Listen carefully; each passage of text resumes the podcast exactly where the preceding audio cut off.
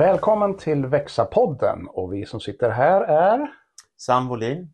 och Svante Hector. Och vi har ju gjort en nystart utav Växa-podden som har haft paus ett tag. Och det här har vi andra avsnittet. Förra gången så talade vi om varför är Jesus så oerhört viktig. Mm. Och idag ska vi fortsätta med Jesus, men vi målar den stora bilden. Ja, verkligen. Hjälper människor att se kanske hur, hur stort det är att få kontakt med Jesus Kristus och, och även konsekvenserna av vad han har gjort i världen. Och förra gången så uppmanade vi dig som lyssnare av att faktiskt eh, börja ta steg, eh, kanske läsa någon av evangelierna, Mm. kanske börja be en enkel bön. Jag vet inte hur det har gått för dig, men det vore hemskt roligt att höra ett av, att du hör av dig och berättar lite grann Mm. dina erfarenheter Absolut. eller dina frågor och det vill vi skicka med redan i början av den här podden. Mm. Eh, det är bara att göra det på karlstad.ping.se så finns våra kontakter Sam Wohlin, Svante Hector. Yes. Men idag då Sam, eh, vi, vi ska måla den stora bilden har vi sagt. Och, Ja. och den stora bilden som också har en del att säga kopplat till de stora världsfrågorna som vi har idag. Vi Ja. har konflikter, vi har relationsproblem både på mikronivån och makronivån. Mm.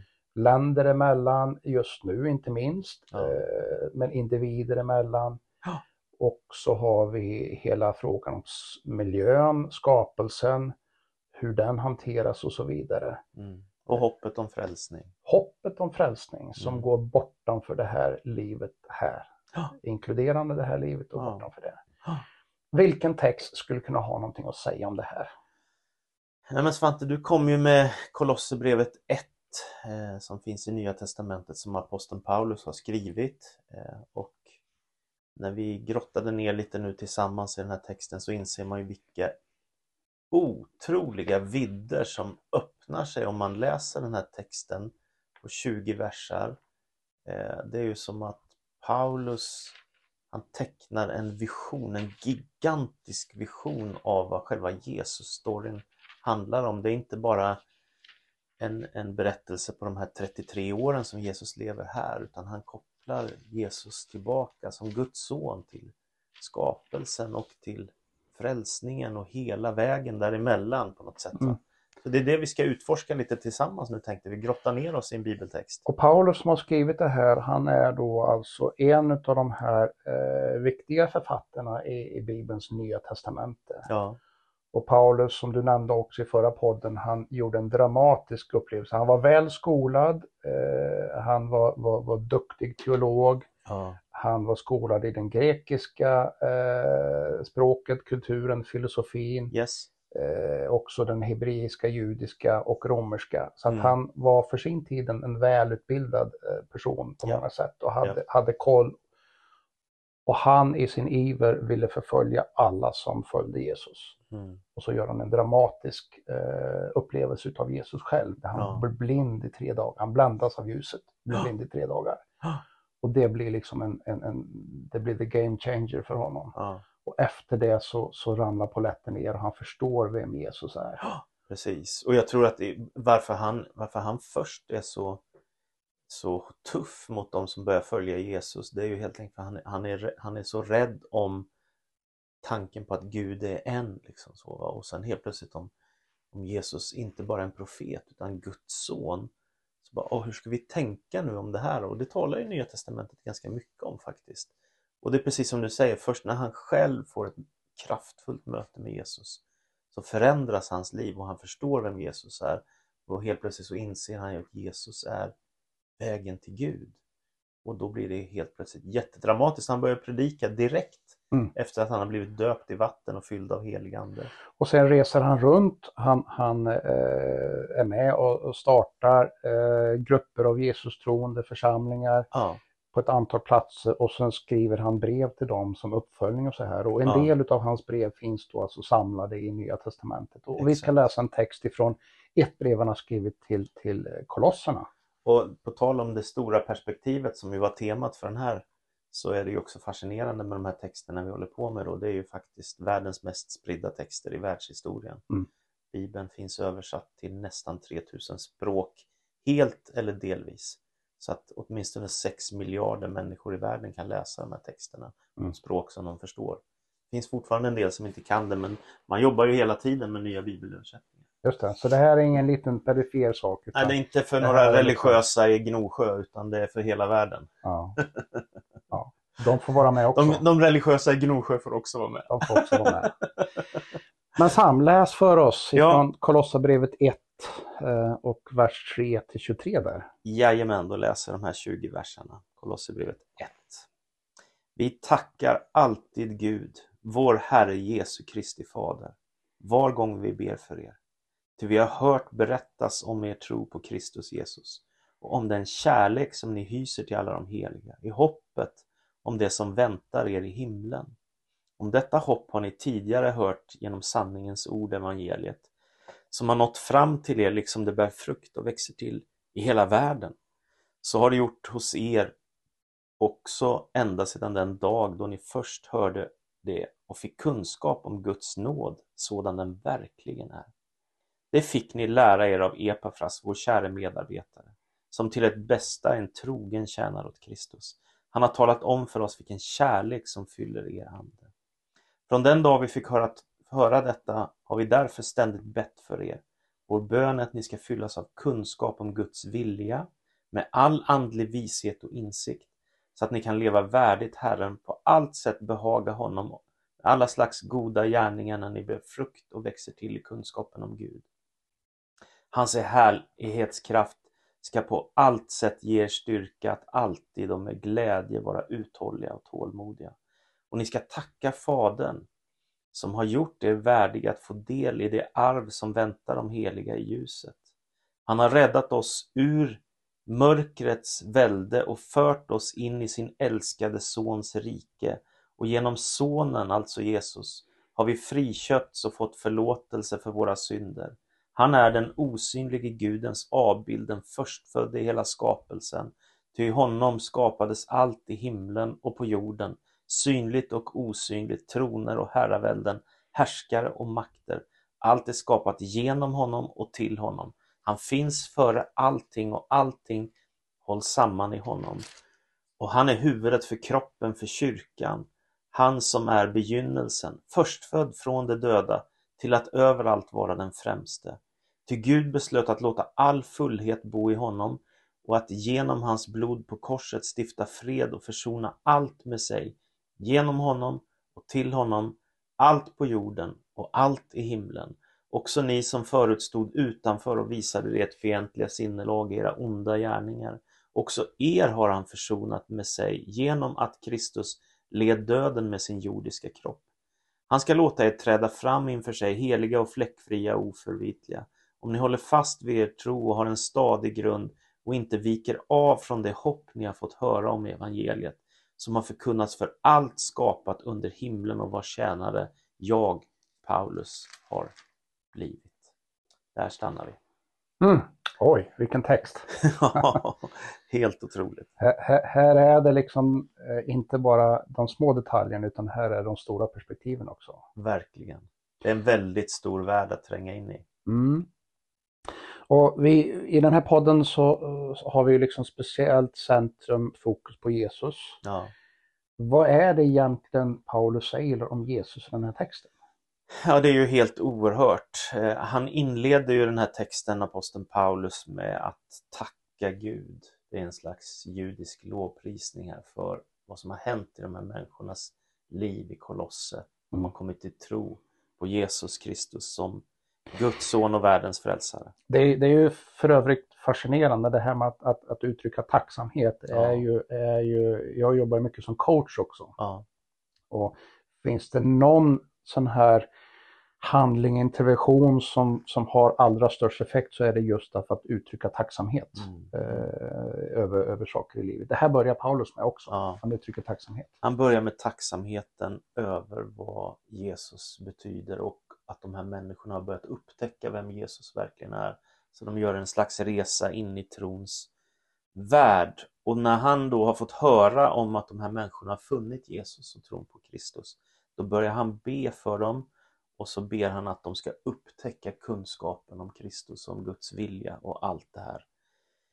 Och då, då, då kan man säga att han, han, han eh, börjar teckna bilden av vem Jesus är och han börjar dramatiskt med att säga i vers 13 Jesus har räddat oss ur mörkrets välde och fört oss in i sitt rike. Så det är liksom själva ingången då. Okej, okay? Jesus har ett rike, Guds rike, det är man inbjuden till över hela världen. Fantastiskt. Vem är han då? Och då säger Paulus att Jesus är den osynlige Gudens avbild, förstfödd i hela skapelsen. Så det tänker jag, det är det första han säger, att Jesus, han är den perfekta avbilden. Det står ju om människan i skapelseberättelsen, mm. att hon är Guds avbild. Mm. Problemet med mänskligheten är ju att människan har vänt Gud ryggen och fallit i synd, det vill säga människan är delvis trasig och jag tänker människan är generellt över hela världen ganska förvirrad. Hur ska man leva sitt liv? Vad ska jag tycka? Vad ska jag tänka? Vad ska jag rösta på? Vad ska jag välja? Vad, vilken etik ska jag ha? Vilken tro ska jag ha? Ska jag tro att Gud finns eller ska jag inte tro? Alltså det är så många förvirrande frågor för människor. Och då tänker jag att eh, här sägs det att Jesus är den osynlige Gudens avbild som är förstfödd i hela skapelsen. Och då tänker jag att det som Paulus vill säga ja, men ni, ni, vi, eller vi, alltså vi har gått sönder som människor. Vi är Guds avbild men vi är trasiga. Men Jesus är den perfekta avbilden. Guds son som blir människa, syndfri. Så Jesus är å ena sidan den här liksom synliggöraren utav vem Gud är. Yes. Eh, I hans liv här på jorden så, så var hans liv synligt på ett helt annat sätt än vad som hade varit innan. Ja. Och som vad vi i, i, i dagsläget också, alltså vi ser ju inte Jesus som en fysisk person än så länge. Nej. Eh, men vi ser honom genom berättelserna Ja. eh, och genom upplevelsen Ja. utav honom. Ja, och han har ju kommit till jorden och varit synlig fysiskt. Han har varit synlig här och Som han kommer människa. tillbaka också. Det Det, finns ett hopp om det. precis. Men det är intressant då, för, det, för den här, Paulus säger också att allting har kommit till genom Jesus. Ja, precis. Och allting är till för honom. Det är inte bara så att allting kommit till genom honom, utan allting är skapat för honom. Exakt. Vad tänker du om det Sam? Nej, men jag tänker här öppnar sig eh, vidderna rejält på tal om det stora perspektivet och det första att Jesus är den enda som är utan synd. Det, det, har ju, det har för mig varit väldigt spännande att föra samtal med människor av annan religiös tillhörighet. Mm. Ja, det finns många som har startat olika grejer av andlighet men Jesus enligt Nya Testamentet är den enda som är utan synd. Då finns det ingen som honom. Vad innebär det att vara utan synd då Sam? Så vad, vad är, vad är liksom det absolut unika, speciella med det? Att man inte har brutit mot Guds vilja, inte gått bort från Gud, inte har en trasig relation till Gud utan den är hel. Den är, den, liksom, den är fri från det destruktiva, onda. Inte smutsat ner sig Nej, precis. I tankar, ord och handlingar har Jesus aldrig förstört sig själv som vi Mm. andra har gjort. Mm. Och det är därför han kan erbjuda oss frälsning och förlåtelse, som kalla oss in i, i Guds rike. Men du frågade ju om skapelsen.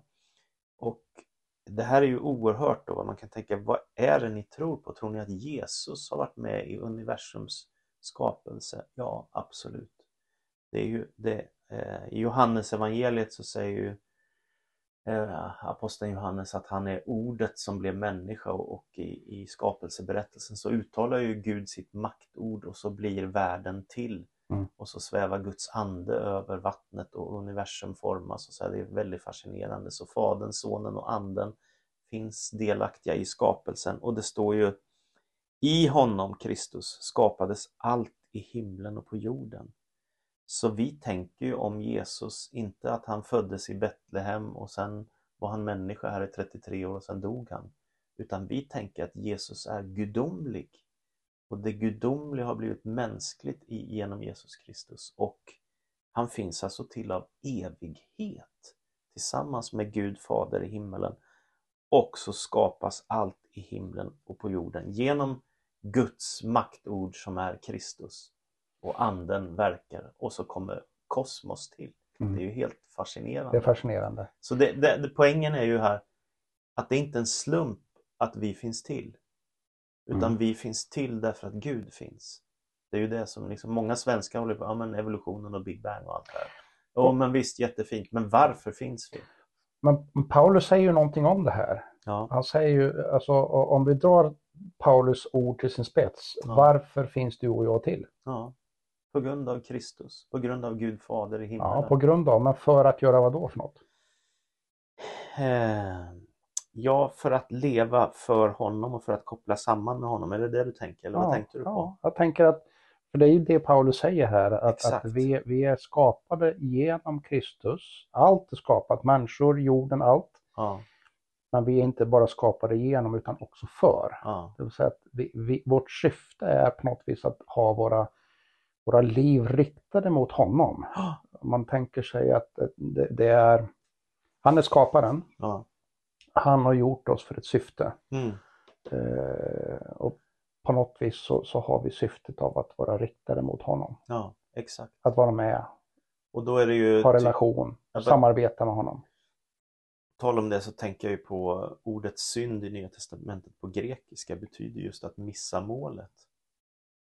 Så det är som det som kan verka så spännande liksom att testa att vara otrogen eller, eller lura folk på pengar eller men du missar målet. Mm. Alltså för det var inte det du var skapad för. Ja. Sen kan man få förlåtelse för allt sånt där dumt som människor gör liksom, eller som vi själva misslyckas ibland. Va? Men, men poängen är att leva riktad mot Gud som du säger. Det är det som är målet. Och det står ju om Jesus här, vilket jag tror jättemånga inte har en aning om. Han finns före allting och allting hålls samman i honom. Så det här är det här gudomliga perspektivet på Jesus, vem han är.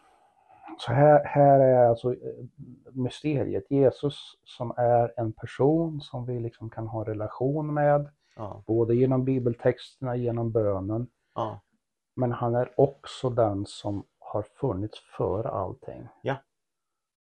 Och allt också nu hålls samman genom hans ord, Ja, hans makt. Ja, och vi pratade ju förra gången om, om eh, han har namnet som står över alla andra namn. Mm. Och Paulus säger på något annat ställe, allt ska i, i framtiden sammanfattas i Kristus. Mm. Så han tänker ju om Jesus, att Jesus är Gud som har blivit människa, Guds son som har kommit till världen. Och Gud har fått ett ansikte i världen genom Jesus Kristus.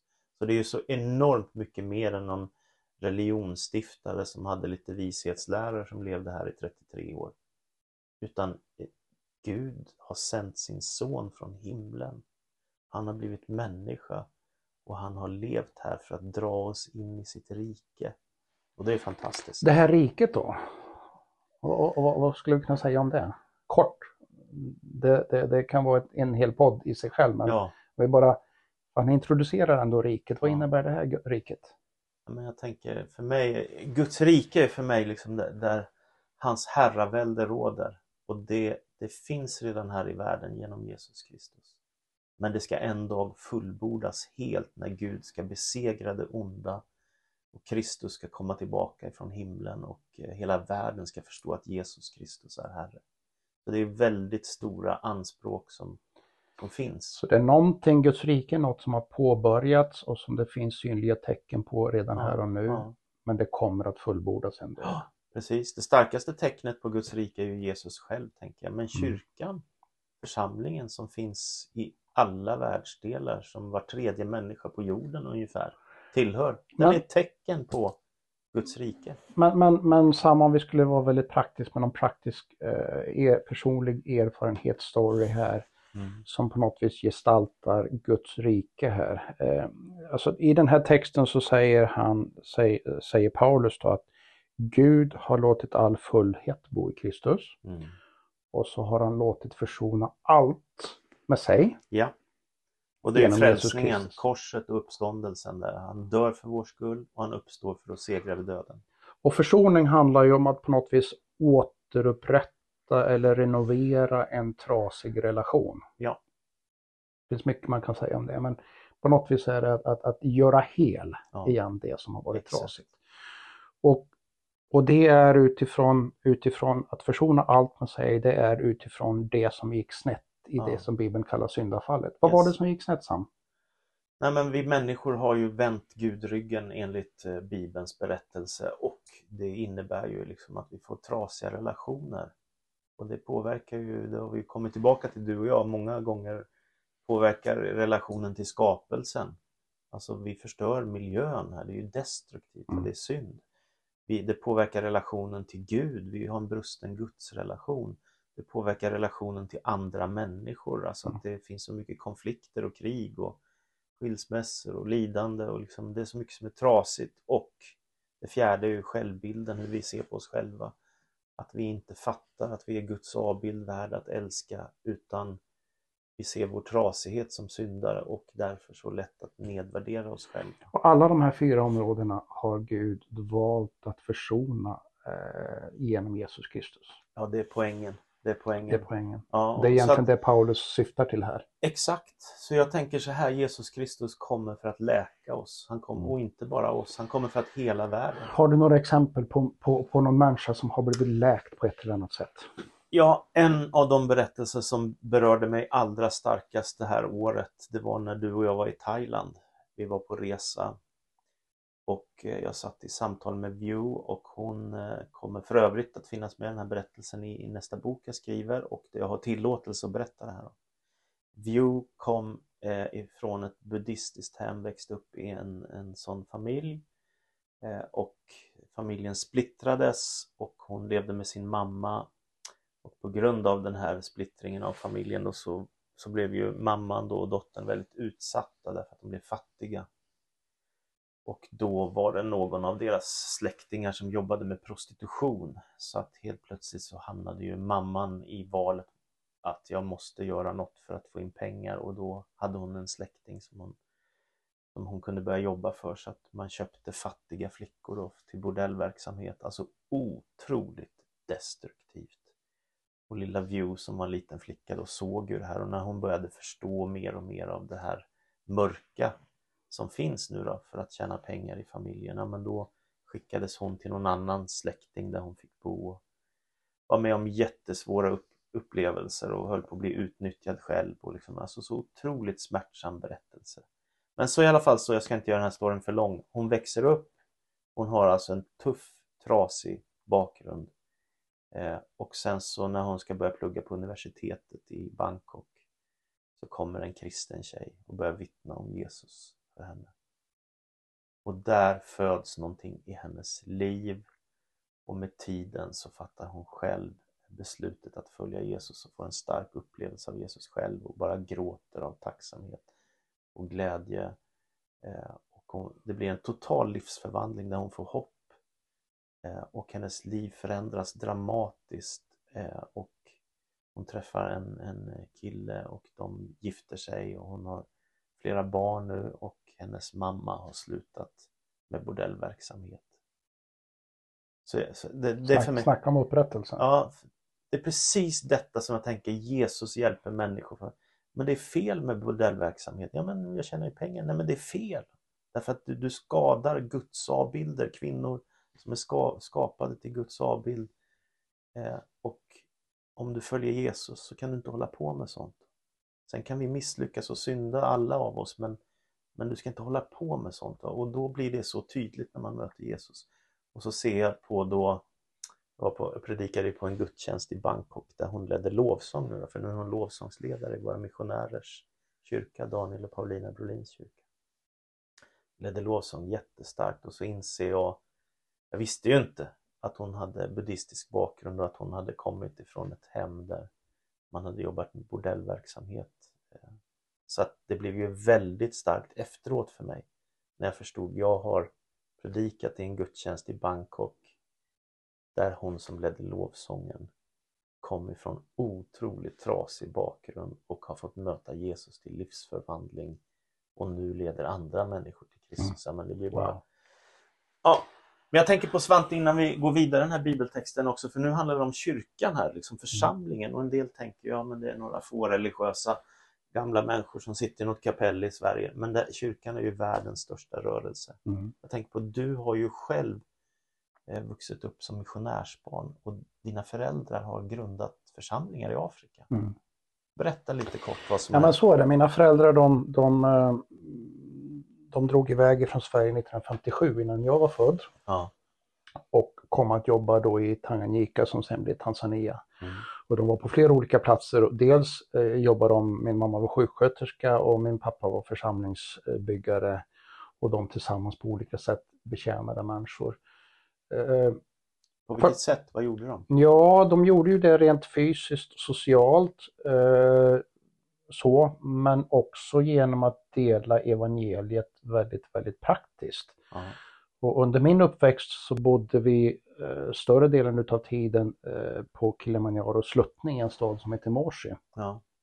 Och om jag bara tar några minnesbilder därifrån så handlade det ju om, ja men vid ett tillfälle så var det en, en kvinna som eh, vars man eh, försköt henne, alltså skilde sig eller Mm. separerade Ja. och dessutom hotade till livet.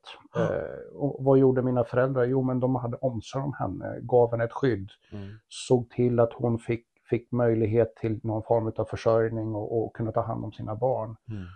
Och, och fick hjälp mitt i en väldigt jobbig situation. Ja. Ett exempel. Och din mamma jobbar med sjukvård också? Ja, hon jobbade med sjukvård men hon jobbade också med, med kvinnor på alla möjliga olika sätt då för att hjälpa dem och ge dem, ge dem ställning. Och, Det måste ha betytt väldigt mycket gissar jag med tanke på att det finns mycket fattiga människor också. Ja men absolut, absolut. Och om jag bara konstaterar att, att det de var med i, de, de olika arbetena som de var med i där, på den platsen, har ju vuxit till att röra sig om flera församlingar med, med, med kanske 10 000 människor. Det är svårt att veta exakt men, men, men säkert minst 10 000 Men människor. det är helt otroligt. Och då var de utsända från Pingstkyrkan i Götene. Götene, ja precis. En liten församling Liten i församling. några mil söderut härifrån Karlstad. Ja. Och så, så kanske 10 000 människor tillhör de här församlingarna idag. Ja, precis. Och, och, och ett, ett exempel som jag tänker på som en upplevelse som jag hade för ett antal år sedan. eh, Jag har ju själv delvis gått i samma fotspår, Mm. även om mitt liv har sett lite annorlunda ut också då. Men, Ja. men eh, jag kommer ihåg tillfället jag satt eh, i en Masai-by ute bland Masaierna. Masaierna som är ett folkslag som finns i Kenya och Tanzania som är oerhört patriarkalt. Ja. Kvinnorna har en väldigt låg ställning förhållandevis. Eh. Det är männen som bestämmer det mesta. Och så har jag fått följa då, pastorn i församlingen har jag fått vara med och, och liksom eh, träna, coacha. Mm. Och så sitter vi i, i samband med gudstjänsten där då, så har de bjudit in alla ledarna som finns i församlingen.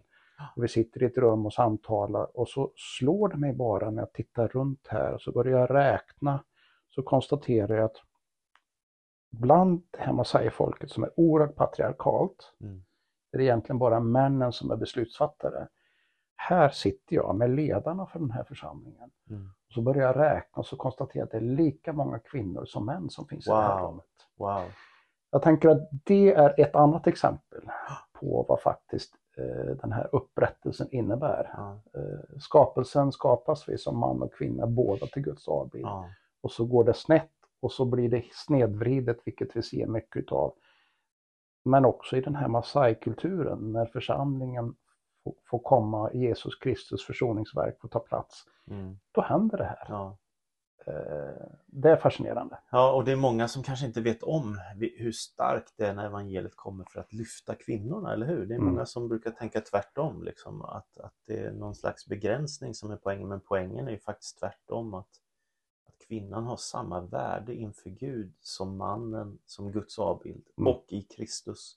Och det skriver Paulus på ett annat ställe, här är inte man och kvinna, slav eller fri, jude eller grek, alla är ett i Kristus. Det är ju Mm. revolutionerande.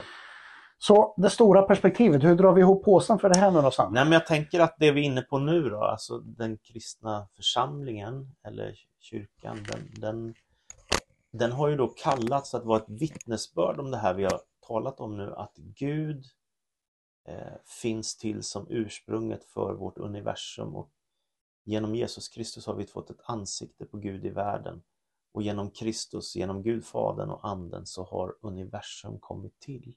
Och det är därför vi finns till och existerar och vi är älskade av Gud. Och tanken är som du sa att återkoppla med Gud och hur gör man det då? Jo, genom det som Jesus Kristus har gjort för oss. Genom att han blir människa, genom att han dör för våra synder, genom att han uppstår från de döda genom Guds makt och så segrar han över döden. Och då kallas vi in i den älskade sonens rike, ut ur mörkrets välde. Det är ju fantastiskt. Så genom korset, står det här, har han valt att stifta fred och försona allt med sig genom honom och till honom allt på jorden och allt i himlen. Men man måste ju också säga ja till det här Svante, mm. eller hur? Det är det som är alla människors utmaning, att inte bara leva för sin egen skull, utan säga ja till Kristus. Mm. Om, vi nu, om vi nu drar ner det här väldigt konkret. Nu har vi, nu har vi målat och varit inne i den stora bilden. Ja. Den svindlande stora bilden. Men vi ja. drar ner det här konkret nu då. Den här idag, den kommande veckan för den som lyssnar här nu. Mm. Vad kan jag göra? Vad, vad, kan lyssnaren göra med det här? Eh, förra gången så läste vi texten om, om att följ mig, säger Jesus till sina mm. lärjungar. Mm. Vad kan vi göra med den här berättelsen för att följa Jesus nu, idag, den här kommande veckan? Ja, precis. Nej, men om, jag, om jag tänker på liksom Gud är skaparen av universum. Jesus är Guds ansikte i världen, Guds son. Eh, han har dött och uppstått för mig och han har grundat kyrkan som finns över hela världen idag. Jag tänker bara så det är bara ett enda stort ljus in i mitt liv. Och jag tänker det kan bli det för alla människor. Så att, eh, men jag tänker så här, man måste bara öppna upp sitt hjärta på vid gavel för Guds rike och inte stå där och tveka hela tiden och, och bara lyfta alla tvivelsfrågor. Hur, hur öppnar man upp sitt hjärta på vid gavel för Jesus? Jag tänker att eh, en del människor brottas så mycket med tvivel och stora frågor och så går åren och man bara stannar kvar. Eller så har man hört någon ateist argument liksom som är så här, ja men kan du... Och så fastnar man. Så jag tänker så här, man behöver ta steg i tro, Svante. Mm. Och vad skulle ett sådant steg i tro kunna vara nu då? Ja, ett steg i tro kan vara att faktiskt öppna Nya Testamentet och börja läsa. Se vad som händer med en på mm. allvar. Mm. Ett steg i tro skulle kunna vara att faktiskt våga be Gud om du finns, eller om man redan har tro på Gud, att Gud, jag vill ge mitt hjärta till dig, jag vill ge mitt liv till dig, hur ska jag göra? Som börjar ställa konkreta frågor till sig själv om vi nu ska ta det här på allvar att vi är skapade till för, alltså vi skapar av, av Jesus och till för honom, så skulle man också kunna be en bön. Jesus, eh, låt mig få vara, vara eh, till välsignelse för någon annan människa. Exakt, exakt. Och se vad som händer. Ja. Och jag har, det, har, det har faktiskt drabbat mig sista tiden. Det står ju en extra story här, men det är bara jättekort. Om Abraham som blir trons fader och som, där Israels folk växer fram att hans huvudkallelse är att bli till välsignelse. Mm. Och då tänkte jag så här, men det är ju precis detta som Där har vi ett nytt poddämne du. Hur kan man bli till välsignelse? Ja, och jag tänker så här, det är precis det som vi alla finns till för. Och problemet i vår värld är att massa människor blir till förbannelse mm. istället för att bli till välsignelse som de är skapade för. Men man behöver Jesus för att läka relationen Så några konkreta steg här som man kan ta, det finns fler, men några skulle kunna vara öppna Bibeln, öppna Nya Testamentet, läs om Jesus, ja. utforska honom, börja be till Jesus ja. där du är på ditt sätt du kan. Och kanske testa att be bönen eh, Gud, Jesus, hjälp mig att vara till välsignelse för någon annan och ja. se hur, hur det skulle kunna bli. Precis, och hitta en gemenskap av troende människor. Hitta, hitta, hitta någon församling som, och, och, jag skulle säga så här också, sök efter någon församling där det verkar finnas lite liv också. Mm. Det skulle jag säga så att så det inte blir liksom torrt och dött. Ja, nu har du några konkreta steg du som lyssnare eh, vad du skulle kunna göra. Eh, gör det här själv, dra med dig eh, någon som står dig nära, kanske din livskamrat, kanske någon annan familjemedlem, kanske någon vän, någon arbetskamrat och gör det här tillsammans. Ja. Det här är ett äventyr, en resa man kan Verkligen. göra tillsammans. Verkligen. Eh, och vill bara säga också så här när vi nu drar ihop påsen för den här poddavsnittet då, det här poddavsnittet att eh, dina frågor, hör av dig. Ja. Som vi sa i början här, eh, kasta.pings.se, där har du våra kontakter, Sambolin, Svante Hector. Eh, hör av dig med dina frågor och så ska vi ta del av det och göra vårt bästa för att på ett eller annat besvara dina frågor. Exakt. Och sen, vad, vad väntar oss i, i nästa kommande podd här som ligger inom, inom synhåll? Ja, nästa gång vi spelar in så är temat på kärleken, alltså vad som vad är meningen med det livet som vi finns till här för och hur ska vi gestalta det? Så det kommer handla om att våga älska Gud. Det kommer handla om att våga älska andra människor och älska oss själva. Och jag kom på en sak till spontant här nu då, som jag borde ha sagt. Gå en alfakurs om du inte har gjort det. En grundkurs i kristen tro. Alfakurs, ja, precis. Det är verkligen ett bra steg i tro. För jag märker ju så här på fem sekunder. När människor tio gånger kommer onsdagskvällar eller torsdagskvällar eller tisdagskvällar vad det nu är. Tio veckor i rad och lyssnar på saker om kristen tro. Så, så föds ju tron i människors liv. Mm. Det är ju jättemånga människor som kommer till tro och blir döpta genom alfakurser och det är miljontals människor som har gått.